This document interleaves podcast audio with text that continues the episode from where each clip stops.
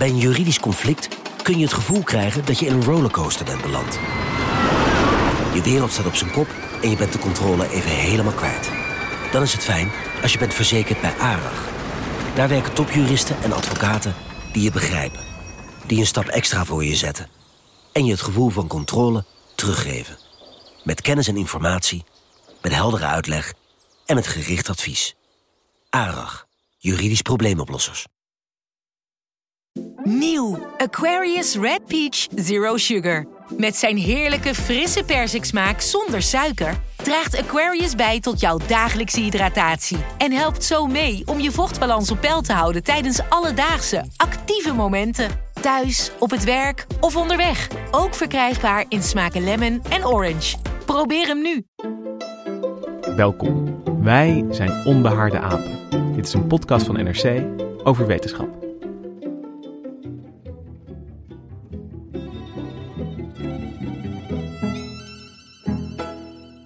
Mijn ouders hadden vroeger een Samoyed en dat is een polhond. En als de kerkklokken in het dorp begonnen te luiden, dan huilde Babka mee.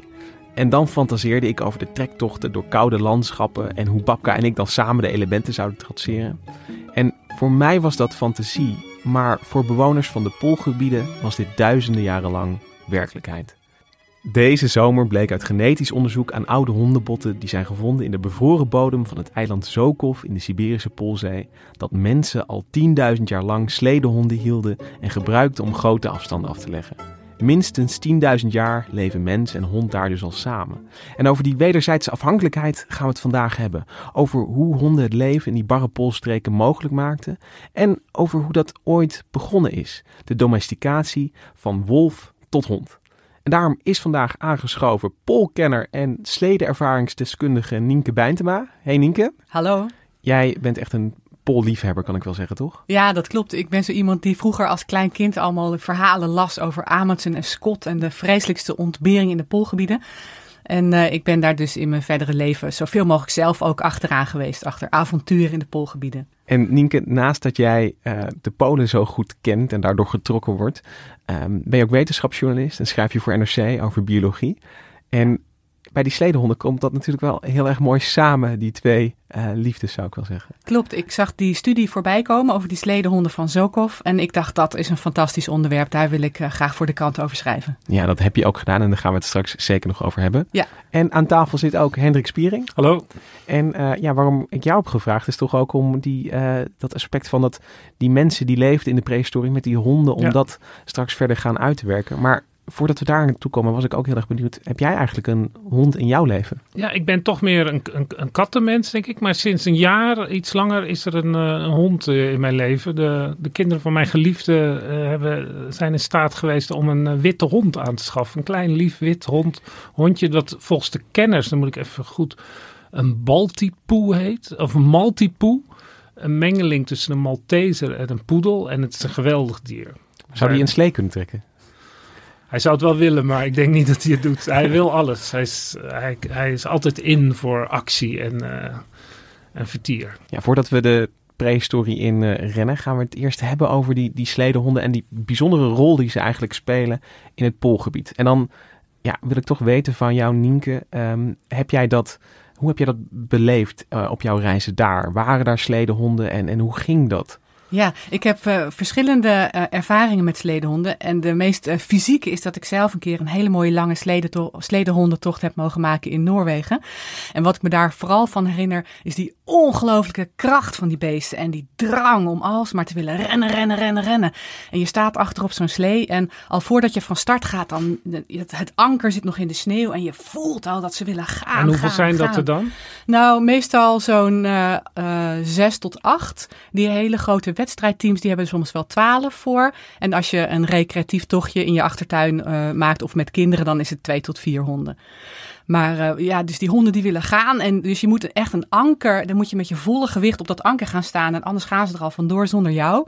En wat ik me ook herinner is dat je, je hebt dus een, een touw om je pols. En dat touw zit ook aan de slee. Want als je dan afvalt, dan gaat, gaan de honden tenminste niet um, uh, zonder jou er vandoor. Maar het nadeel daarvan is dus wel dat als je er afvalt, en dat gebeurde mij, dat je dus aan dat, aan dat touw achter die slee in een grote fontein van sneeuw met uh, 15 km per uur door dat landschap gesleurd wordt. Dus jij zat daar achter aan de slee nog een, aan een touw vast? Het touw zat nog aan mijn pols en ik was er afgevallen. En daar gingen we over de, over de toendra en, op een gegeven moment door een stukje met naaldbos. En dat was mijn redding. Want toen bleef die slee op een gegeven moment met een grote klap achter een naaldboom hangen. En toen kon ik er weer op uh, klimmen en sneeuw van me afkloppen en doen alsof er niks gebeurd was.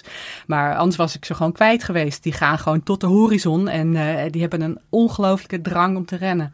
En dat is wel interessant, want je kunt op die, als je op die slee zit en, en ja, jij bent in principe de, de, de mens die toch bepaalt wat er zou moeten gebeuren. Je, je zou die, hond niet tot, die honden niet tot stoppen kunnen brengen als je zou zeggen ho of stop of... Um, uh, ik niet.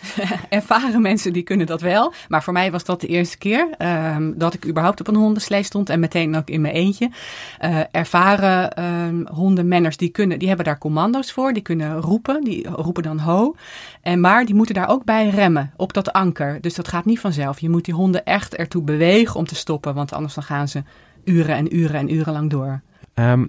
Als je op die slee staat. Mijn, mijn ouders hadden een Samoyed en dat is een, een witte ja, polhond uit de, de polstreek, zeg maar. Maar wat voor honden staan er allemaal in dat span? Is dat allemaal hetzelfde type? Is, werkt dat het beste? Nee, er bestaan uh, zoveel hondenrassen als er zijn. Zoveel um, uh, sledehonden heb je ook. Je hebt uh, die hele pure huskies. Groenlandse huskies en ook Alaskaanse en Siberische huskies.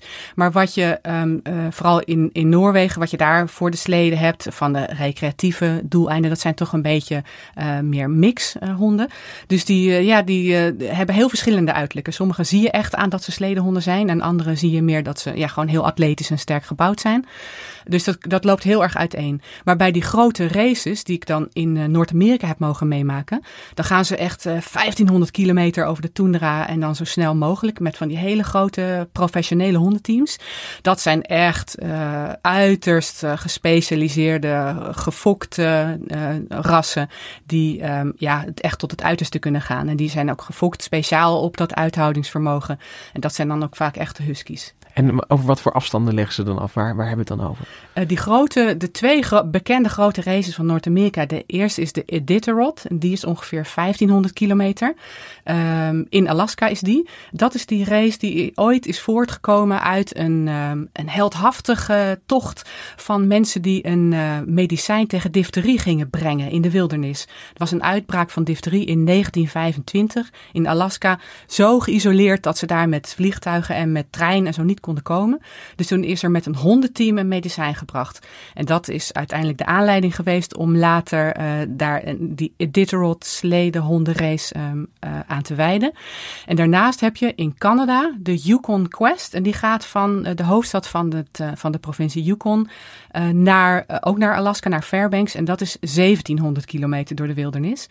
En ja, dat gaat echt in acht, negen dagen. Dus die leggen echt meer dan 100 kilometer per dag af. Dat is echt fantastisch. Um, die gaan ook uh, dag en nacht door. Dat is onvoorstelbaar. Dan rennen ze acht uur en houden ze twee uur pauze. En dan gaan ze midden in de nacht in het pikken donker weer, uh, weer door. Ze krijgen maar twee uur pauze en dan, gaan, ja, dan mogen ze weer. Nou, het verschilt een beetje per renner wat hun strategie is. Sommigen rennen langer en houden dan langer pauze. En anderen rennen korter en houden korter pauze. Maar ze, ze rusten nauwelijks. Dat is echt onvoorstelbaar. Die gaan maar door. Wat ik wel interessant vind is, je zegt al van, van de, dat difteriemedicijn, dat werd in, in de jaren 20 van de, de 20e eeuw eigenlijk, uh, ja, werd dat nog gedaan.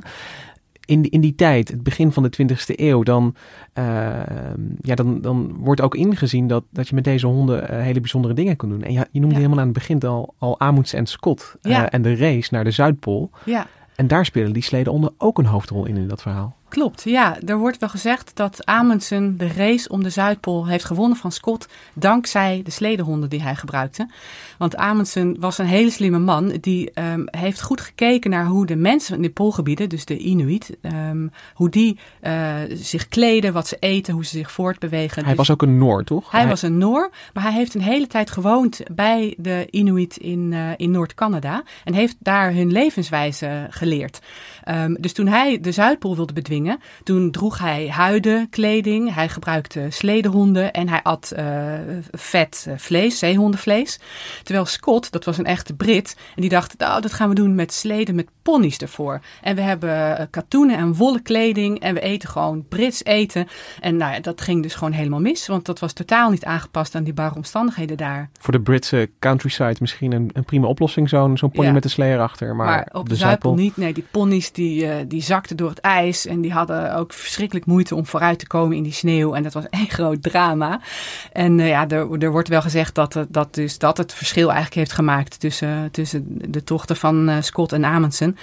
Um, dus ja, Amundsen die had dat heel erg goed in de gaten. Dat de sledehonden jou dus in staat stellen als mens om hele uitzonderlijke dingen te doen in het poolgebied die je in je eentje als mens niet voor elkaar krijgt. En, ja, en nu is het sport, dus in, uh, met die races en zo. Wordt het ja. nog wel zeg maar, zoals je hier ook nog, zeg maar in Frank nog wel eens een paard en wagen ziet, wordt het ook nog wel eens echt, echt gebruikt. Ja, zeker. Um, ik uh, heb daar even wat over opgezocht, want ik wist dat je die vraag ging stellen. of iemand die um, uh, Ja, er zijn gebieden in Noord-Amerika waar sledehonden nog steeds worden gebruikt voor de dagelijkse dingen. En dat zijn met name um, boswachters en uh, Um, ja, ook jagers en vissers uh, die, dat nog, uh, die nog jagen en vissen voor hun, uh, voor hun levensonderhoud. Dus inheemse mensen. Maar ook de park rangers van bijvoorbeeld het Denali Nationaal Park. Um, wat vroeger Mount McKinley heette. Dat park is zo gigantisch groot. 10.000 vierkante kilometers. Daar willen ze graag patrouilleren of ze willen toch dingen brengen over onderhoud en dat soort dingen. En ze zeggen ja, als jij met 40 graden onder nul in midden in de winter naar buiten gaat bij een um, een sneeuwscooter heb je altijd het risico dat het niet wil starten. En honden die starten altijd. En je moet ja. ze gewoon uh, goed verzorgen en een beetje eten uh, meenemen. Maar die honden die zijn een betrouwbaarder vervoermiddel dan sneeuwscooters. Ik heb ook een favoriete podcast van een uh, Amerikaanse antropoloog. En dat heet Time to Eat the Dogs. Ah. En dat is dus een uitdrukking uit het Poolgebied. En het, het gaat ook heel erg over ontdekkingsreizen, die, die podcast. Dus je kunt, je kunt ze ook altijd nog opeten. Ja, oh, er zijn ook gruwelijke verhalen over. Ik heb net een boek uit over de, de Lost Patrol. En dat ging over mensen in Canada die dan midden in de winter van de Poolzee naar het zuiden gingen. Naar de hoofdstad van Yukon om daar de post te bezorgen. Je denkt, waarom wil je in vredesnaam midden in de winter de post bezorgen? Dat was ook in 1910 of zo. Um, maar er waren dus mensen die uh, zijn dus toen verdwaald. Een hele politiepatrouille van acht man. En die zijn jammerlijk omgekomen omdat ze verdwaald waren. Ze hadden de verkeerde aftakking van de rivier genomen. Maar die zijn dus echt, die hebben één voor één die honden opgegeten. Totdat ze gewoon niet meer vooruit kwamen en toen ja. allemaal alsnog dood zijn ja, gegaan. Ja. Dus ze hebben dat echt teruggevonden toen al. Echt langs het spoor van, nou daar hebben ze die hond en daar hebben ze die hond. En toen ging die persoon dood en toen ging die persoon. Dus echt heel tragisch. Maar goed, ze gingen dus die honden opeten en ook de honden aan de honden voeren als hondenvoer. Dus ja, Zeker. Dat kun je met een, sne een, sneeuwscooter ook niet doen. Nee, kun je met een sneeuwscooter ook niet doen. Maar wat, wat Hendrik zegt van ja, het is nu een sport en uh, het, het, wordt nog, uh, het wordt nog ingezet uh, daar in, in barre omstandigheden. Um, maar het mooie wat die vondst in Zokov eigenlijk laat zien, is dat dat een, een traditie is die dus al duizenden jaren wordt voortgezet. En afgelopen zomer kwam daar dus dat genetische onderzoek. En voor dat artikel sprak je met Peter Jordan. En uh, hij is een Brit, maar hij werkt hier in Groningen bij het Arctisch Centrum.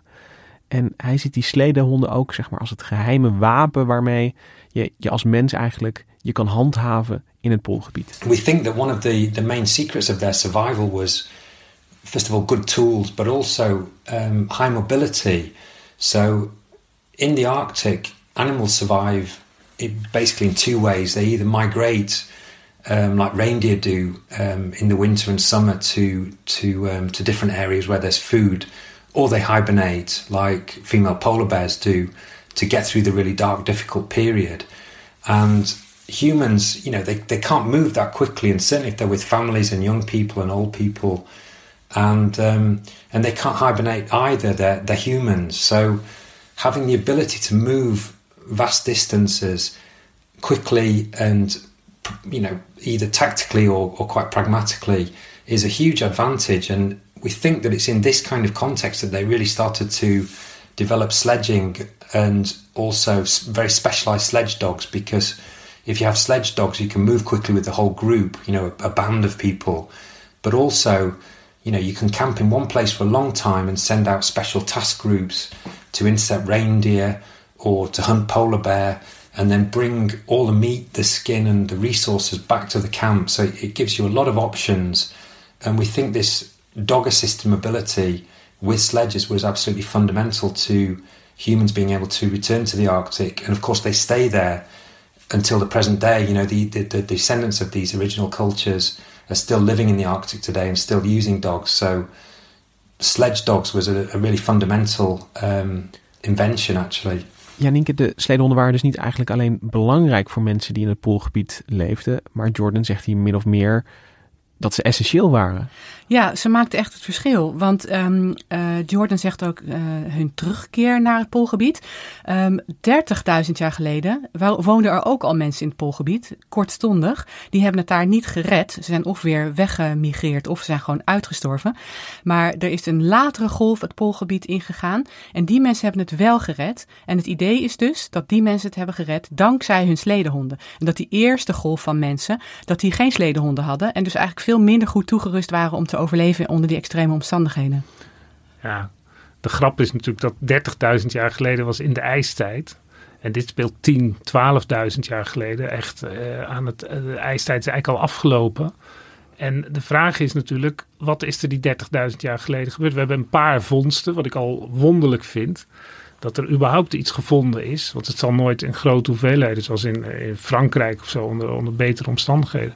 En het is echt een totaal wonder dat mensen al in staat waren om überhaupt daar te overleven. En ook beeldjes te maken, de hele cultuur daar te hebben. Ja. En we weten gewoon nauwelijks. Het is dan net alsof, het, alsof ze het uh, niet goed konden of zo. Maar het Ja. feit dat ze daar al zo noordelijk waren, binnen de Poolcirkel, dat is ja, onvoorstelbaar. Terwijl de omstandigheden totaal anders zijn dan natuurlijk dan 10.000 jaar, 12.000 jaar geleden. Omdat, ja, bedoel, het- het 10.000 jaar geleden waren er al geen mammoeten meer. Weet je? Ja. Is een veel modernere sfeer en ook een, een vriendelijker klimaat, hoe beroerd het ook is natuurlijk. Ja, ja klopt. Dan moet je je voorstellen dat je dus ehm, eh, zonder enige moderne hulpmiddelen probeert te overleven op de toendra. Er groeien ook geen bomen, niks. Je moet daar aan eten komen, aan brandstof, aan kleding, noem maar op. Dat is echt onvoorstelbaar knap dat daar 30.000 jaar geleden mensen hebben. Maar ik vind het wel een fascinerend idee dat je dus dankzij die sledehonden 10.000 jaar geleden eigenlijk een moderne, voor ons moderne, mobiele eh mogelijkheden. Want het paard was bijvoorbeeld, bestond, paardrijden bestond helemaal niet. Weet je, Ja. dit is echt een van de eerste versnellingen van het moderne leven. En dat het dan onder die omstandigheden gebeurt. Dat Ja. je dus 100 kilometer op een dag kunt afleggen. Ja. Makkelijk. Maar hoe weten we dat dat, dat 10.000 jaar geleden al kon? Weet je, welke aanwijzingen hebben we ervoor dat er dan, dan sledehonden zijn en, en dat ze ook al zo gebruikt worden? Ehm, er zijn al eerder al wel resten gevonden eh, eh, van sleden en van sledentuig. Dat zijn gewoon houten glijders en, eh, en riemen. En eerder ook wel hondenbotten die daar vlakbij zijn gevonden. Maar wat nu nieuw is aan deze studie op dat Siberische eilandje... is dat, dat er nu voor het eerst genetisch onderzoek is gedaan naar die botten. Dat kon voorheen niet in zo'n detail. Nu kunnen onderzoekers echt kijken naar, ehm, naar het genoom. Ze hebben DNA kunnen halen uit die botten. En daar blijkt dat die, ehm, die sledehonden toen al bepaalde genetische aanpassingen hadden. die ze in staat stelden om te overleven in het Poolgebied. Ehm, eh, ze hadden bijvoorbeeld bepaalde ehm, aanpassingen om extreem vetrijk eten te kunnen verteren. Daarin leek ze heel erg op, eh, op zeehonden bijvoorbeeld en ijsberen. En je ziet die aanpassing ook bij de Inuit in het Poolgebied. En daarnaast hadden ze aanpassingen die duiden op een verbeterde zuurstofopname in het bloed. En dat duidt op een eh, vergroot uithoudingsvermogen. Dat zijn aanpassingen die we bij moderne, gewone hondenrassen niet zien. Wel bij moderne sledehonden, zoals die Groenlandse huskies. Ehm, En moderne uh, hondenrassen en ook al hele vroege gedomesticeerde honden, die hadden bepaalde aanpassingen, zodat die honden zetmeelrijker voedsel konden verteren. En die um, aanwijzingen zien we juist bij deze polhonden niet. Dus deze botten die gevonden zijn op dat Siberische eilandje, die laten echt zien dat dit al genetische, genetisch aangepaste dieren waren met een fysiologie. Dus een, een lichaam dat uh, extreem goed was aangepast aan die extreme omstandigheden. En dat maakt dit onderzoek nu nieuw. En kun je iets zeggen over hoe die uh, stedenhonden van toen zich verhouden tot nu? Want, want Jordan heeft het over een cultuur die zich eigenlijk uh, ja, doorzet. Weet je, dat de Inuit van, van nu ook de nazaten zijn van, van de mensen die, die eigenlijk toen het gebied koloniseerden. Geldt dat ook voor de sledehonden? Ja, dat geldt ook voor de sledehonden. De sledehonden vormen nog altijd een hele aparte groep binnen de hondenrassen. Um, en dan weer met name dat, uh, dat oudste ras, die Groenlandse huskies. Die lijken genetisch gezien nog sterker op die oude Zokhof-honden van 10.000 jaar oud en op prehistorische wolven. Um, ze lijken daar meer op dan op moderne hondenrassen. Dus je ziet nu ook genetisch dat het een hele aparte groep is binnen de honden. En, en we weten van die uh, Groenlandse huskies en van al die andere sledehonden dat ze die enorme afstanden af kunnen leggen. Want dat doen ze in die races. Maar hebben we ook aanwijzingen dat dat toen gebeurde? Waren die sleden stevig genoeg? Zien we ze dingen verslepen over grote afstanden? Ja, wat um, Peter Jordan vertelde was dat die resten van die sleden, dat dat heel geavanceerde sleden waren. Uh, dat waren niet zomaar oude latten, zei hij. Dat waren echt hele mooie gevormde glijders. Eigenlijk precies zoals de sleden die nu nog door inheemse mensen, de traditionele sleden die nu nog door inheemse mensen worden gebruikt. Um, en daarnaast hebben ze ook in die kampen spulletjes gevonden die helemaal niet op die plek voorkwamen. Ze hebben bijvoorbeeld um, bepaalde stenen gevonden, gemaakt van, van obsidiaan. Dat is een soort vuursteenachtig materiaal, maar dan nog veel harder. Waar je nog veel mooiere slijpranden aan kunt maken. Dus daar hadden ze vuistbijlen van gemaakt. En obsidiaan kwam daar in dat deel van Siberië helemaal, komt daar helemaal niet voor. En de, de dichtstbijzijnde vindplaats van obsidiaan was 1500 kilometer verderop. Dus we weten dat die mensen toen al ofwel zelf regelmatig die afstanden aflegden, of in elk geval netwerken hadden van handel of ruil. Waarbij ze dus uh, over duizenden kilometers uh, materialen uitwisselden. En ik stel me nu zo voor, en nu, nu ik dit allemaal gehoord heb, die sledehonden zijn eigenlijk net, ja, net als schepen waar je de oceaan ineens mee over kan steken. Of, of uh, in, in, ineens een, een, een voertuig waarmee je ineens ja, veel grotere afstanden kan hebben. Zonder die sledehond kun je niet op diezelfde manier, op dezelfde schaal eigenlijk leven in de Poolcirkel. En daar al die hulpbronnen uithalen die je nodig hebt. Van de dieren tot aan, aan je werktuigen. Ja, ik denk dat je dat wel, wel kan concluderen. Ook gewoon uit het feit dat ze daar, want het eilandje Zokov ligt echt ver boven de Poolcirkel. Met dus een, echt een extreem klimaat, donker in de winter, ijskoud. Het feit dat daar mensen hebben geleefd, dat dat, dat, dat al een bewijs is dat het alleen kan als je dus uh, ja, zo extreem flexibel bent. En die sledehonden hebben daar dus blijkbaar een rol bij gespeeld, een grote rol. En we zitten eigenlijk al best wel ver terug in. in we, we zitten eigenlijk op de rand van van de steentijd, landbouwtijd, 10.000 jaar geleden. En dan word ik toch nieuwsgierig, Hendrik, naar... Ja, dit, dit, zijn, dit zijn hele oude honden, die sledehonden. Ja. Maar zijn dit ook de oudste sledehonden? Kijken we hier ook naar ja, de eerste uh, honden die werden gebruikt door nee. mensen, die werden gefokt door mensen? Nee, nee. Het antwoord is heel duidelijk, nee. Nou, uh, Vertel. Zijn, nou, de, het, het, het, het interessante is dat er dus, uh, de Nienke zei het al, ontzettend veel onduidelijkheid is over uh, wanneer de hond nu eigenlijk gedomesticeerd is. En uh, het is eigenlijk pas uh, in de jaren negentig uit DNA-onderzoek, heel vroeg nog in dat DNA-onderzoek, ehm, vastgesteld dat hij echt van de wolf afstamt. Want er was altijd nog het idee dat. in de jaren 50 is dat ook nog gezegd van ja, er zijn zoveel soorten honden. Uh, zeg maar de wolfachtige honden, die zullen wel van de wolven afstammen. Maar je hebt dan ook een beetje jakhalsachtige. En je hebt ontzettend veel wilde honden, van, die dus niet tot het geslacht Canis behoren. Zoals de wolf en de hond. Maar ja, het zijn dus... Uh, je hebt nog de duol, ik weet ook niet hoe die in het Nederlands heet. Dat is ook een soort uh, hondachtige. En die zou dan allemaal, zou iedere hond zo zijn eigen wilde voorganger hebben. Maar uit DNA-onderzoek is, is in de jaren negentig geen discussie meer. Het is de wolf. Maar wanneer? Toen is er ook weer DNA-onderzoek geweest. Heel vroeg ook, uh, ergens 2002 geloof ik. En uh, ik zeg vroeg, omdat ja, de DNA-onderzoek was toen nog veel moeilijker dan nu. en daar, daar, werd dan uit geconcludeerd dat, dat het honderdduizend jaar geleden was dat de hond uh, afsplitste van de wolf. En dat zal dus wel gebeurd zijn doordat de mensen hem dan gingen domesticeren. En het is pas. En er, waren, er zijn bijvoorbeeld ook. Dat is dan de genetica. Er is nu wel opheldering gekomen. De, de, de standaard is nu ergens tussen de 20 en de 40.000 is de, uh, de huidige hondenpopulatie. En ook de honden die dus paleo-DNA opleveren, zoals die, die honden bij, uit jouw onderzoek, die, die kun je allemaal terugzoeken. En dan is het dus tussen de 20 en 40.000 is die afsplitsing van de wolven die honden worden. Zo oud is de hond. Maar dan als weet... je naar de genetica kijkt. Ja, als je als naar de genetica Als je de, zeg maar die, al die genetische sporen terug volgt, dan ja. kom je bij een bron tussen ja. 20 en 40.000 jaar geleden. En het is, het is extra ingewikkeld, omdat uh, uh, de, de genetica is verschrikkelijk ingewikkeld, omdat ze komen er steeds maar achter dat eigenlijk alle honden op elkaar lijken. Er is een enorme eenvormigheid in, in, in, in hondengenetica, omdat er dus heel veel, paradoxaal heel veel mee gefokt is is er ook heel veel uitgewisseld. Want dan, ja, bedoel, wij spreken een hondje in Mongolië wat leuke korte pootjes had.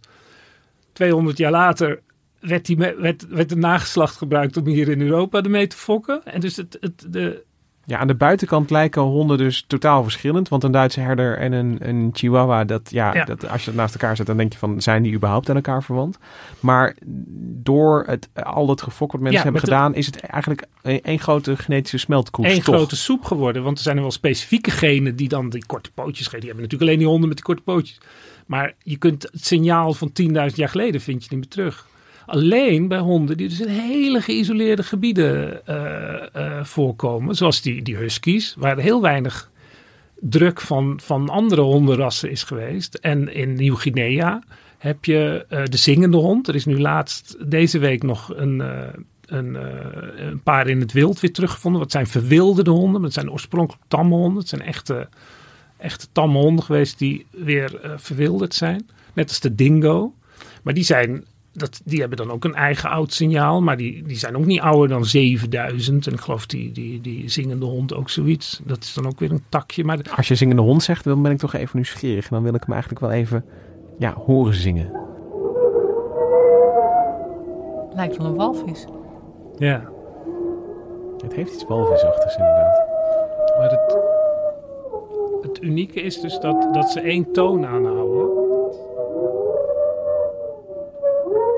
Is natuurlijk gewoon een hondengejank. Maar ze kunnen dan soms, eh, als een soort barbershop core, kunnen ze precies een, eh, een bepaalde toon eh, akkoord geven. Het heeft ook wel iets wolfachtigs. Ja, natuurlijk. Ja. Maar levert de, de, de, als zelfs dit soort, eh, zelfs als je op zoek gaat naar oude hondenrassen, noem ik er maar even. En of je dan in Nieuw-Guinea kijkt of in, in, in Siberië of op Groenland. Je komt dus niet verder dan, dan, dan 10.000 jaar oud. Nee, eigenlijk. zeker niet. En als je eh, naar. eh, ik heb, een, een, een- ik, ik heb een, eh, een hele lijst uitgeprint waar zo'n beetje alle hondenrassen te vinden zijn. Dus op verzoek kan ik er eentje opzoeken. En ik heb bijvoorbeeld, omdat ik natuurlijk dat hondje van de zomer heel veel bij me had, Lenny. En die is een halve poedel. En de poedel die, die komt uit de 13e eeuw. Waarschijnlijk in Engeland. Dat is dan meer om culturele redenen dat je dat terug kan vinden dan, eh, dan, eh, dan om genetische redenen. En er is bijvoorbeeld ook een, een interessant verhaal, de Greyhound. Dat weet- is dat een hazenwindhond in het? Zo'n zo'n renhond is Ja. dat. En die, die is op plaatjes in Egypte, zie je eh hazenwindhonden, die eigenlijk precies hetzelfde zijn als onze huidige hazenwind. Dus dan denk je, nou, ga je naar de genetica kijken, niks van terug te vinden. Het is helemaal niet een oud signaal of zo. Dus, dus er is niet een, een genetisch, een oerras. Wat, wat nee, er zijn een paar honden. Dus eh, eh, je hebt een Chinees hondenrasje. Je hebt, een, je hebt een paar zo van die vlekjes op de kaart die dan wel wat oude signalen hebben. Maar verder is het eh, egaal. En er komt ook nog bij, dus je kunt niet terug redeneren. Dat lukt eigenlijk niet. Dus er zijn ook, als je nu kijkt wat de grote raadsels zijn van de, van de domesticatie van de hond. Dat is natuurlijk waar, wanneer en waarom. En eh, het is allemaal onzeker eigenlijk. Alleen er is dus dat de hele duidelijke eh, eh, feit dat het van de wolven afgetakt is tussen de 20 en 40.000 jaar. Dus toen is het begonnen. En wat, wat heel, heel duidelijk is, is dat als je naar de archeologische opgravingen kijkt, dan vind je gewoon, zoals ook in, uh, natuurlijk op dat eilandje, vind je honden of wolven, hondachtige in een menselijke omgeving. En het is heel interessant dat vanaf ongeveer 15.000 jaar geleden vind je steeds vaker in Zwitserland. Er is nu pas in Italië weer nieuw, nieuwe botten gevonden. vind je heel vaak honden die meebegraven zijn met mensen. En die hebben dan ook de typische hondenkenmerken waardoor ze van de wolven kunnen worden onderscheiden. Bijvoorbeeld een, een, kortere, een kortere snuit, bredere kop. Er is ook iets met, ze hebben kleinere tanden. Er zijn een aantal van dat soort uh, details. Maar dus in die context denk je dan, dit is een hond. En tegenwoordig kun je dan ook nog uh, DNA-onderzoek doen. En dan weet je het eigenlijk wel zeker. Maar dat is ook. Het uh, begint dat vanaf 15.000 eigenlijk. En het feit dat ze samen begraven zijn. Ja. Um, dat verraadt meteen. Kijk, het is, het is niet zo dat je toevallig, uh, ik noem maar wat, een, in, een, in een soort roofdierhoop een, een uh, wolvenbot naast een mensenbot vindt. Maar je vindt dus ook gelijk een, ja, een, een cultureel signaal eigenlijk. Ja. Dat, een, ja. dat een hond iets, ja, toch iets meer heeft betekend dat hij samen begraven is met een mens. Ja, en dat dat, kijk, ieder, we leven nu natuurlijk in de wereld van de schoothondjes eigenlijk, vanuit een, een brede perspectief. Want uh, die, ik zou niet graag een, een, een, een sledehond aaien eigenlijk. Nou, ja, wij hadden er eentje vroeger, hij was uh, druk, maar het kan wel. Ja, maar die, Groenla ja, die Groenlandse huskies die schijnen echt nog wel je hand eraf te kunnen bijten. Okay. Daar wil je je kleuter niet bij laten loslopen. Oké, okay, die dan niet. Maar inderdaad. Uh, dit, en ik, ik zag ook nog ergens dat zeg maar dit soort... Uh, want het, je hebt natuurlijk uh, in de geschiedenis gebruikshonden, die sledehonden, waakhonden. Als je bijvoorbeeld Romeinse villa's uh, opgraaft, dan hebben die bijna altijd een, een, aan de deur een, een waakhond-mozaïek. Ja, met een motiefje hier waakt de hond ja, eigenlijk. Ja, Wat, vaak, zoals, wij een, een bordje opspijkeren, Ja. hadden zij een muziekje gelegd. Ja, KVK nee, staat er dan op, pas op de hond. En die, eh, die is meestal aan een ketting, ook in het mozaïek. Dus dat zijn ook geen prettige honden geweest natuurlijk, maar wel heel effectief. En jachthonden heb je natuurlijk. En zo zijn er een aantal. eh, eh, maar echt, bijvoorbeeld je vindt in de middeleeuwen ook plaatjes van eh, een hondje op schoot bij een, bij een non. Of die Hm. zit dan bij Christiane de Bizan, van een, dat is een 15e eeuwse schrijfster. Dat is een plaatje van, er zit dan een heel leuk een hondje onder de stoel. Zoals, zoals nu tegenwoordig ook. Ja, toch gewoon heel gezellig is een hondje. Dus hoe ver dat teruggaat, dat weten we natuurlijk. En dan bedoel je met hoe ver dat teruggaat, dan bedoel je een, een soort, soort ja, liefde voor, voor Ja. hond en, en mens. Maar, maar kun je niet zeggen dat als je ze samen begraven vindt, dat dat al, al ergens... Ja. Ik bedoel, een, een Romeinse senator werd niet begraven samen met zijn hond, eh, meestal, denk ik. Nee, dat denk ik niet. Nee. Nee. Maar dan kan, dan kan je dus zeggen, dan kan hij wel van zijn hond hebben gehouden natuurlijk. Zeker. Maar, Maar, het, het, het, maar, maar je vindt het, niet terug. En, en als je het toch, weet je, al, al 15.000 jaar geleden een, een, een gezamenlijk graf vindt, vind ik dat toch Ja, wel... en soms ook een puppy, een jonge hond. En, eh, maar dan En- komen en- we dus op het punt, waarom zijn die honden gedomesticeerd? Ja. Waarom zijn die honden gedomesticeerd? Nou, ik ben, ik spits mijn oren wel bij 15.000 jaar geleden. Want ehm, als ik het dan niet mis heb, dan zitten we in een tijd, in Europa in ieder geval, waar die, die hondengraven ook gevonden zijn, van eh rendierjagers. Het, het Magdalénien ook.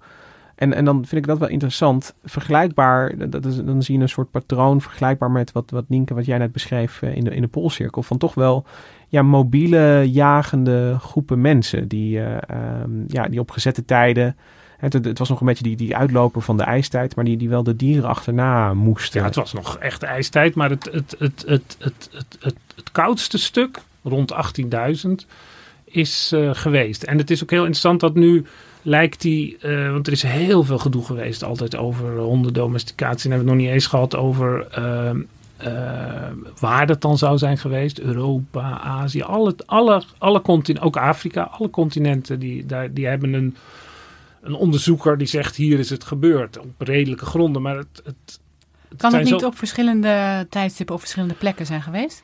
Nou, er is een theorie dat ehm, ze vinden dus, er is heel goed paleo-DNA-onderzoek gedaan, uh, al een uh, jaar of zeven geleden, onder Europese honden. En dan vind je dus de, uh, ik ben de precieze redenering even vergeten, maar dat leidt er dan toe dat het waarschijnlijk in Europa is. Maar hetzelfde is ook gedaan in Azië. En dan denk je, het is Azië.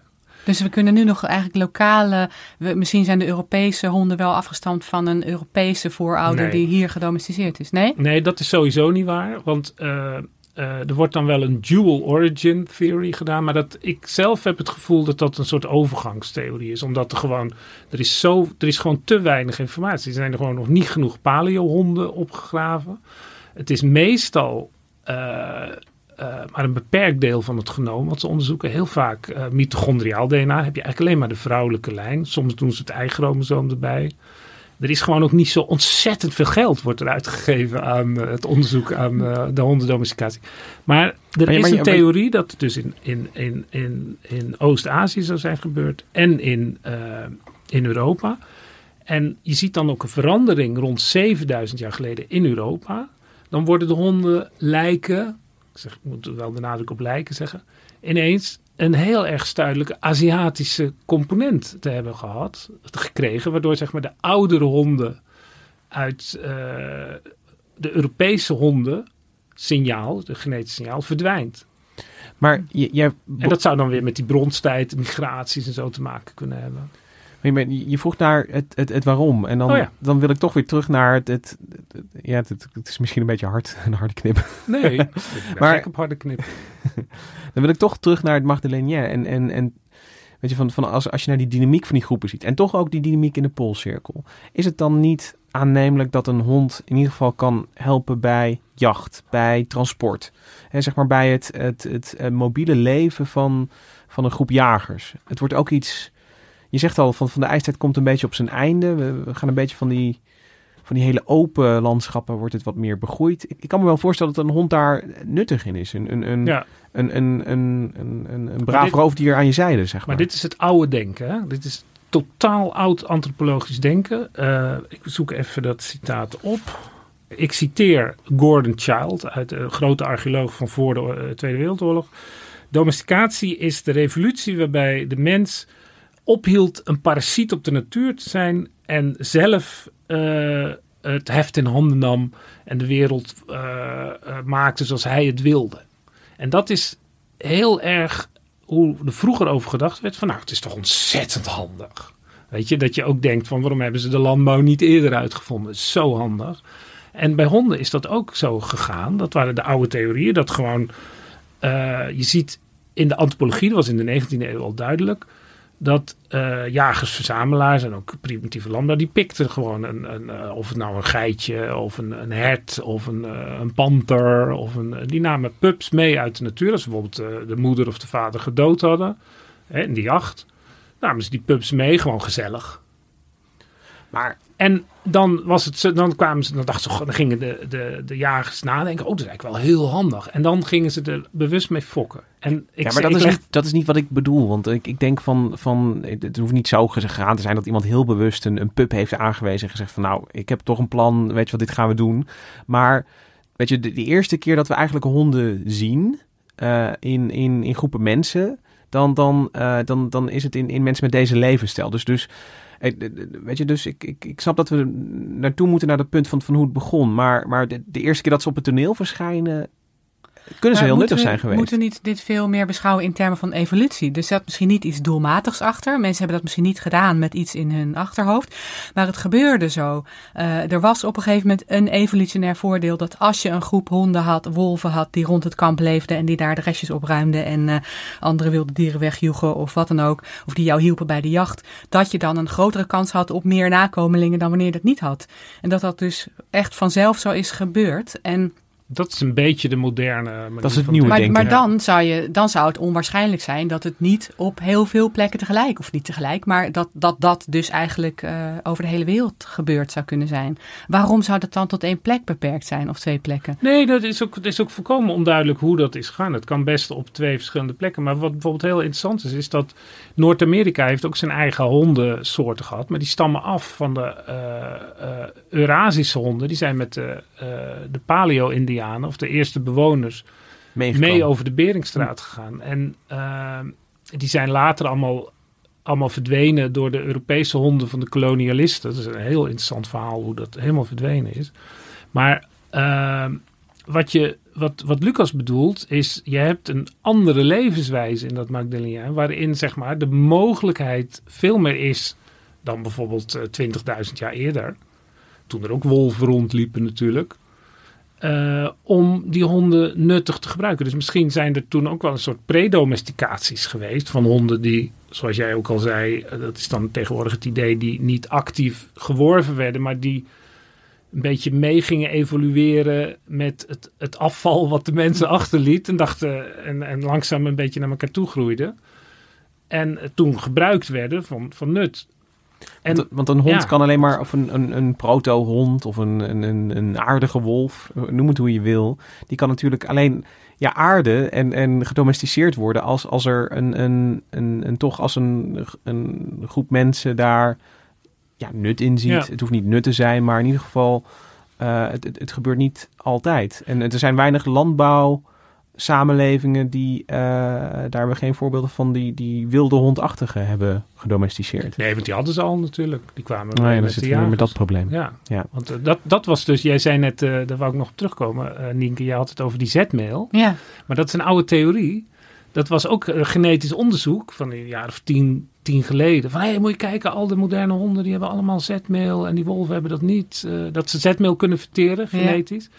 En nou, dat was, dus het moet met de landbouw zijn gekomen, die hondendomesticatie. Maar toen, ja, toen werden er ineens uh, toen andere Groenlandse... Ja, er werden er andere honden uh, uh, gevonden en onderzocht. Misschien ook wel die, die, die Groenlandse. Maar ook bleken ook wolven, die bleken ook allemaal zetmeelvertering. Het is maar net de levenswijze, dat gaat heel snel.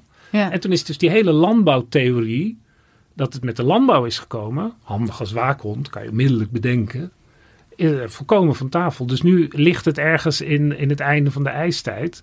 En ja, uh, het, het, is speculeren. Er is dus een soort logische gedachte dat ze dus via die uh, afval uh, bij de mens zijn gekomen. Maar ik zag ook een heel interessant feitje in een onderzoek. Dat een roedel van tien wolven, of tien grote honden, want daar gaat het dan om. Als je die aan je wil binden en wil gaan voeden, kost je een hert per dag. Maar. Maar omgekeerd, wat, wat, wat, wij nu aan het doen zijn, zeg maar, zo, zo een beetje uh, theorieën op elkaar aan het afvuren. Is dat eigenlijk ook wat er in, in, in de wetenschap uh, gebeurt? Is, is hier ja. daar wel een parallel in? in gewoon... Ja, en ik zag ook in een overzichtsartikel staan een beetje grimmig zinnetje dat de nadruk. Ik, ik, ik, zou er uren over kunnen vertellen. Al die verschillende analyses van die genen en al die, die oude hondengraven. De nadruk ligt heel erg op waar en wanneer. En waarom? Ja, we hebben dan die vuilnisbeltheorie tegenwoordig. En, maar ja, er is, is er bewijs voor. Dat weten we eigenlijk niet. Het, en, er is nu dit, dit jaar een onderzoek geweest dat onder vossen, notabene vossen, uh, dat die uh, tot 40.000 jaar geleden uh, een heel gevarieerd dieet hadden in Zwabië, in Duitsland. Een uh, gebied waarin dan al die oude honden, al die oude vossenbotjes uh, geanalyseerd zijn. En dan als de mens daar komt, worden ze, worden ze, gaan ze ineens heel eenzijdig rendier eten. En die onderzoekers zeggen, nou, dat, die, die, die gingen dus snaaien bij de mensen de hele tijd. Maar no way dat die gedomesticeerd zijn, die vossen. Want daar hebben we nooit meer iets van gehoord natuurlijk. Maar het, eh, als ik het... Goed, ik, ik het gebeurt dus wel, maar of het tot domesticatie leidt. Ik, ik, dit, dit, ik bedoel, dit is, ik, ik, ga weer een theorie lanceren, gewoon omdat het kan en omdat het leuk is. Maar wat, iets wat Nienke zei, dat bracht me wel aan het denken. Weet je, van, van de manier waarop wolvenroedels jagen en, en uh, mensen, zeker in het Magdalénien en in de Poolcirkel misschien, weet je, die, die hebben natuurlijk parallellen. Het zijn allebei roofdieren die uh, van de groep afhankelijk zijn om een prooi op te sporen, voor een langere tijd te volgen. Da daarin zijn wolven ook, weet je wel, van, van die, die katachtigen zijn toch meer een soort hinderlaagjagers, weet je wel. Die hebben niet dat uithoudingsvermogen, wat je terugziet in die poolhonden. Weet je, dus, dus, dus die jachtmethoden, die lijken op elkaar. Kan het zo zijn dat, zeg maar, mensen uh, ook gewoon hebben afgekeken bij wolven. Van, van oké, okay, van, van, uh, en, en daar misschien gebruik van hebben gemaakt van, van uh, bewegingen van, van wolven. Ja. Van, om, om, om prooien, groepen ja, te dat, vinden. Wat jij nu zegt is zeg maar de positieve kant van de, de, de wolf-mens relatie. Laat ik het zo zeggen. De hond-mens relatie. Maar uh, de, je moet je goed beseffen dat er geen woester dier gedomesticeerd is dan de wolf. Want een, kijk, een everzwijn is ook geen pretje als die boos is. Maar, uh, en, en een boos paard ook niet. Maar dat zijn op zich vrij tamme dieren al. Een, een schaap, een, weet je, de, de, een koe. Alle dieren die gedomesticeerd zijn, dat zijn geen roofdieren. Alleen de wolf, en dat is dan ook de eerste, dome, dat hebben wij nog niet eens gezegd. Het is de eerste keer dat, dat er zo'n diepe relatie tussen mens en dier is ontstaan. Dat is de wolf. Dus het, het, er zitten ook wel wat, wat, wat uh, onaantrekkelijke kanten aan. Want je haalt een, een woest verscheurend dier uh, binnen, je, binnen je gemeenschap. Ja, haal je kleuter maar binnen. Ja. Maar als ik het toch weer positief mag draaien, is een, een, uh, een in een roedel wolven Um, het is wel een dier dat gewend is om sociaal te opereren. Met, weet je wel, van, van de, er, er, er, is een hiërarchie in zo'n groep. Er is een, weet je wel, dus, er staat een wolvenpaardje, staat, staat aan de top. En weet je, het, het voedsel moet verdeeld worden. Dus ze, ze zijn aan de andere kant wel, wel gericht op ja. um, wat gaat er in, in de andere beesten in mijn groep om? En, en hoe verhoud ik me Absoluut. daartoe? Absoluut. Want je kan beter een, een, een, een wolf uh, domesticeren dan een uh, eenzame tijger, natuurlijk. Dat, denk is ik wel. Al, dat heeft al pre-adaptatie. En dan komen we eigenlijk op het, het, uh, eigenlijk de grootste vernieuwing op dit soort denken. Daar hebben we het nog helemaal niet over gehad. Dat is uh, dat een hond, dat is ook onderzoek van Brian Hare en uh, Michael Tomasello. Dat zijn, zijn grote onderzoekers van, van apen. Van cognit, cognitie bij mensen. Wat is het verschil tussen. tussen wat, waarom zijn mensen nu zo slim? Om het maar heel simpel te zeggen. Wat, wat is het, verschil in denken? En een van de dingen is dat wij heel makkelijk mensen, kinderen, als je wijst, dan snappen ze onmiddellijk wat het, wat het is. En Tomasello, die heeft in de jaren 90 en ook in de jaren 2000 heel veel onderzoek gedaan om te kijken of dat bij chimpansees en bonobo's ook kan. Of zij onze gedachten een beetje kunnen lezen. Dat ze begrijpen wat je bedoelt als je ergens op wijst. Ik heb nu een wijzend wezentje in huis. En het is echt fascinerend om te zien van, van hoe, dat, hoe dat werkt. Zeg die, maar. die, die. ja. ja, maar dat wijzen is heel belangrijk Ja. voor, om, om elkaars aandacht op iets gemeenschappelijks te vestigen. Zeg maar. Nou, en Tomasello, die, eh, Brian Hare was een leerling van hem. Ergens, eh denk ik, nou ja, 2010 of zo speelde zich dat af. En eh Tomasello poneerde zijn gedachten weer eens. En toen zei eh, eh, Brian Hare, die, hij heeft er een prachtig boek over geschreven. The Genius of Dogs uit eh, 2013. En daar beschrijft hij dat dan, dat in zo'n discussie... Oh, um, alleen mensen kunnen dat. En eh, dan zegt eh, Brian nou, mijn hondje Oreo... die kan dat ook. Verdomd. Ja. En dan gaan ze onderzoek doen. En dat is echt heel grappig om te lezen. Dus het is echt zo is het gegaan. In de garage van zijn ouders gaat hij dan dat onderzoek doen. Gewoon als test om te kijken of dat echt Maar zo onderzoeken in hoeverre honden dus begrijpen wat Ja. jij bedoelt als je ergens naar wijst. Of als Ja. je iets van hem wil. is. Ja, want hij, wat, wat, wat deed Brian? Die, die, die, die, die, die, die sloeg, eh, eh, hoe heet dat, honkbalballen weg. En eh, die eh, hond, die, eh, die haalde ze dan terug. Lekker makkelijk. Hondbeweging, jij eh, lekker eh, met zo'n eh, met zo'n knuppel slaan. En als hij hem dan niet kon vinden, dan wees Brian Hare waar die lag. En dan gaan die halen. En dat kunnen bonobo's en chimpansees Nee, niet? Totaal niet. En ze hebben dus ja, onder hele specifieke omstandigheden, met veel training en onder echt hele Er zijn allerlei eh mitsen en maren, dan, dan kunnen ze een beetje Ik- begrijpen. Ik, maar, Maar- ik heb het zelf meegemaakt. Gewoon in, in, weet je wel, een bal die ik de tuin in gooi bij mijn ouders. En die komt dan in de struiken terecht. En, en, maar, maar de hond die, die draait zich ook om. Die, die, die, die vraagt om hulp bijna. En dan kan ik inderdaad de goede kant op wijzen. En dat, maar ik heb er nooit bij stilgestaan dat dat iets heel bijzonders is eigenlijk wat Maar daar dan gebeurt. is de hamvraag, kunnen wolven dat ook? Als je een wolf Ja. temt, kan Nou, die dat ook? Nee. Nee, die kan dat niet. Dus dat is een, kijk, een je kunt- verworven eigenschap in die ja. sociale Je- relatie Want tussen dat is dus dat hele onderzoek van Brian Hare. En eh, er is dan, eh, dus bij, hij heeft bij allebei honden, op een gegeven moment het hondje van zijn broer, was de tweede hond die hij ging testen, weet je. Misschien ligt het dan bij bijzondere band met Oreo. Nee, al- en dan ook met blinddoeken, dat je dus, of op de gekste manier hebben ze het getest, maar die hond begrijpt altijd wat je bedoelt. En zonder training, zonder training, hij begrijpt het automatisch. Als je een pup hoef je het niet te leren, die snapt het al. Dus er zit iets, dan kom je dus op een soort genetisch, eh, eh, dat heet dan het domesticatiesyndroom. Dat is heel, ook een hele omstreden kwestie op het moment in de wetenschap. Maar er is namelijk in, eh, dat is de volgende stap. En Brian hij beschrijft dat in zijn boek ook heel mooi. Er is in Rusland, dan moeten we even terug in de geschiedenis. In de jaren 30 werd in, in uh, Rusland uh, Darwinisme verboden door Stalin. Dat was onmarxistisch. En alles was aangeleerd gedrag. En er zijn ook biologen voor, voor het executiepeloton voorgekomen. Echt, het is een vreselijk verhaal. En er was één man, Beljajev, een, een, een, een bioloog. En die heeft eigenlijk in het geheim, in, vanaf de jaren 50, genetisch onderzoek gedaan op een uh, vossenfok farm. Die dus een commercieel uh, doel had om, om die dingen te... Maar hij, hij deed één ding erbij. Het geniaal uh, onderzoek had dus zeg maar min of meer wilde vossen. Het is niet helemaal wild, daar is nou ook heel veel controversie over. Maar het waren dus wilde vossen. Als je je hand in de kooi stak, dan beet ze je. Zo simpel is het. En hij fokte gewoon door met die, voor de, voor de, voor de pelzen. Maar hij nam één ding eruit, één groep nam hij eruit. En iedere keer, bij iedere generatie, fokte hij alleen maar verder met de 2% mannetjes en de 10% vrouwtjes. Er waren bepaalde redenen om dat zo te doen. Die het tamst waren, die dus het minst beten als je uh, je hand in de kooi stak. Of daar in de buurt kwam, weet niet precies. En na 20, 30 generaties werden dat een soort hondjes. Ze, uh, ze kregen vlekken op hun, uh, hun, hun, uh, hun pels. Hè, dus die egaliteit was weg. En dan moet ik even kijken. Ze werden tammer natuurlijk. Daar selecteer je natuurlijk op. Maar ze kregen ook bijvoorbeeld... ze gingen kwispelen. Ze kregen floppy ears, zoals dat heet. Hoe zou je dat zeggen? In het Hangende oortjes? Ja, flappoortjes. Ja, en kleinere tanden, kortere snuiten. Alleen ja. maar op die tamheid. En is het dan... snapt ze ook... Als BA ging wijzen naar ja. een uh, bepaalde nou, dan, dan, moet ik even. Volgens mij bij die. Uh, ja, wat dat is hij toen gaan doen.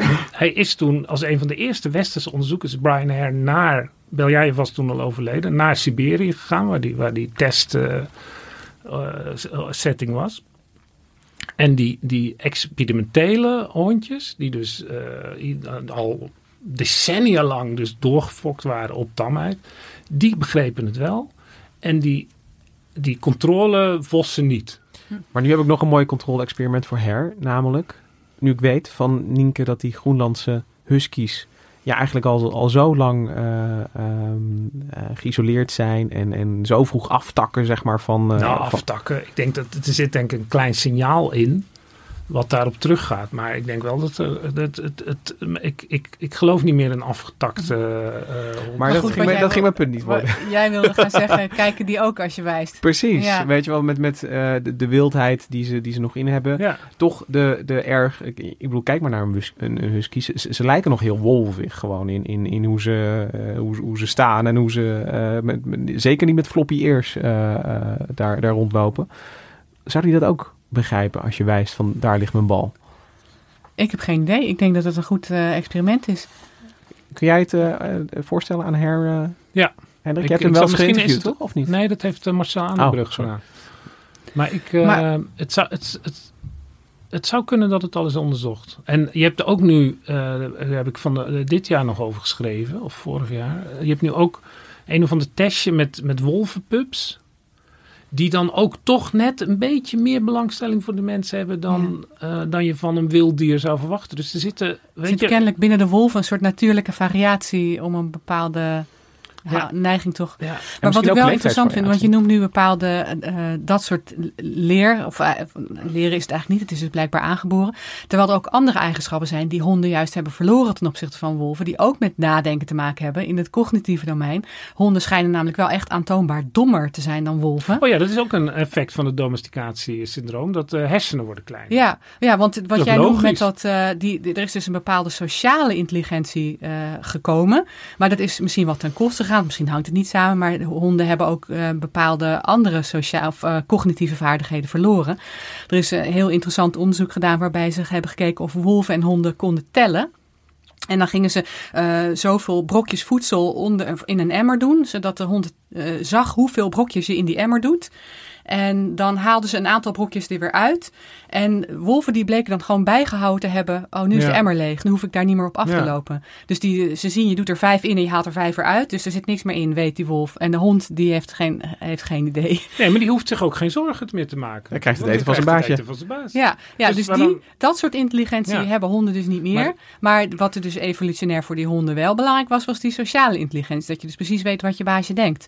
Dus daar is blijkbaar toch ook op, ge, op gefokt, op geselecteerd. Ja, maar er is in de evolutionaire biologie ook een goed bewaard geheim. Dat hetzelfde voor mensen geldt. Dat we ook dommer zijn geworden. Nou, dat het, het, eh, in, de, in de, die jagers-verzamelaars in de ijstijd, waar we het over hebben, die, die dan eh, traditioneel de Cro-Magnon mensen worden genoemd, die hadden meer herseninhoud dan, dan wij nu, zoals we hier gemiddeld eh, zitten. Is natuurlijk altijd maar is variatie. hersen herseninhoud één op één te vertalen naar intelligentie? Nee, natuurlijk niet. Maar het zegt natuurlijk wel iets, omdat een, een jager-verzamelaar, een wolf of een mens, die is van, totaal van zichzelf afhankelijk. Die moet alles zelf eh, organiseren. Die zitten wel in een kleine groep. Maar in een gespecialiseerde maatschappij, die eigenlijk sinds de landbouwtijd is ontstaan, is er zoveel netwerk en zoveel interactie dat je gecombineerd veel slimmer bent dan, Ja. dan alleen. Dat Wij hebben ook- onszelf oh. en, en elkaar gedomesticeerd Ja. misschien. En als ik nog heel even terug mag Ik komen. kan wel kort antwoorden. zie? Ja, het kan wel. Maar eh, je stelde nog de grote vragen aan het begin eh, van, eh, of, of halverwege deze podcast van, van en als ik dan terugkijk op die grote vragen, waar, wanneer, hoe, dan staan we er nu wel beter voor dan, dan een tijd geleden, maar de, de, de definitieve antwoorden hebben we ook nog niet. Definitieve antwoorden zijn er niet. Ik denk dat wanneer is het eigenlijk het duidelijkst. Dat is eh, rond 15.000 jaar geleden. Er zijn eh, oudere theorieën worden eigenlijk voortdurend weerlegd. Eh, deze datum grofweg wordt bevestigd de hele tijd. Waar is onduidelijk. Het staat gewoon totaal niet vast. Hoe is natuurlijk moeilijk te bewijzen, maar die vuilnisbelttheorie, dat dus honden zelf de mens zijn, hebben opgezocht en op een gegeven moment eh, ten nutte zijn gebruikt. Eh, dat lijkt wel de meest waarschijnlijke. Je leest eigenlijk geen andere serieuze theorie op dit moment. Ik zag er nog een meme over laatst. Ja, die was goed. Het is een, een eh, wolf die zegt van, ik, ik, ik- ga daar even bij die mensen wat te snaaien halen. Wat is het ergste dat kan gebeuren? En het volgende plaatje is zo'n zo'n zo'n eh, bulldog met, een, met een feestmutsje op zijn hoofd. Heel treurig. Kijk, en ook zo geniaal dat, 15.000 jaar later. dat het een bulldog is, omdat dat ook klassiek de, de, de meest doorgefokte honden zijn. Die natuurlijk heel erg lijden om het klein hoofd en het verkeerde longen. En, eh, Ja, moet je niet hard want dan worden alle bulldog-eigenaars weer verdrietig. Dat is ook een leuke podcast Voor de andere keer. over de bulldog. Eh Nienke Bijntema, heel erg bedankt dat je er was en ons wilde bijpraten over poolhonden en, en je mooie eigen poolervaringen. Graag gedaan. Hendrik Spiering ook heel erg eh, bedankt. Ehm, ja, wij vinden het heel erg fijn om weer te zijn. Vanaf nu zijn we er elke week weer woensdag in je podcast-app. Eh, vergeet ook niet eh, op onze Facebookgroep een keertje te abonneren bijvoorbeeld. We hebben een mooie wetenschapsnieuwsbrief. En elke week heeft NRC een wetenschapsbijlage. Dus als je meer wetenschap tot je wil nemen, dan kun je die daar vinden. De tune die je hoort, die is ingespeeld door het Dudok Quartet. Kim Kabberdijk, bedankt voor de productie van deze aflevering. Mijn naam is Lucas Brouwers. Tot volgende week.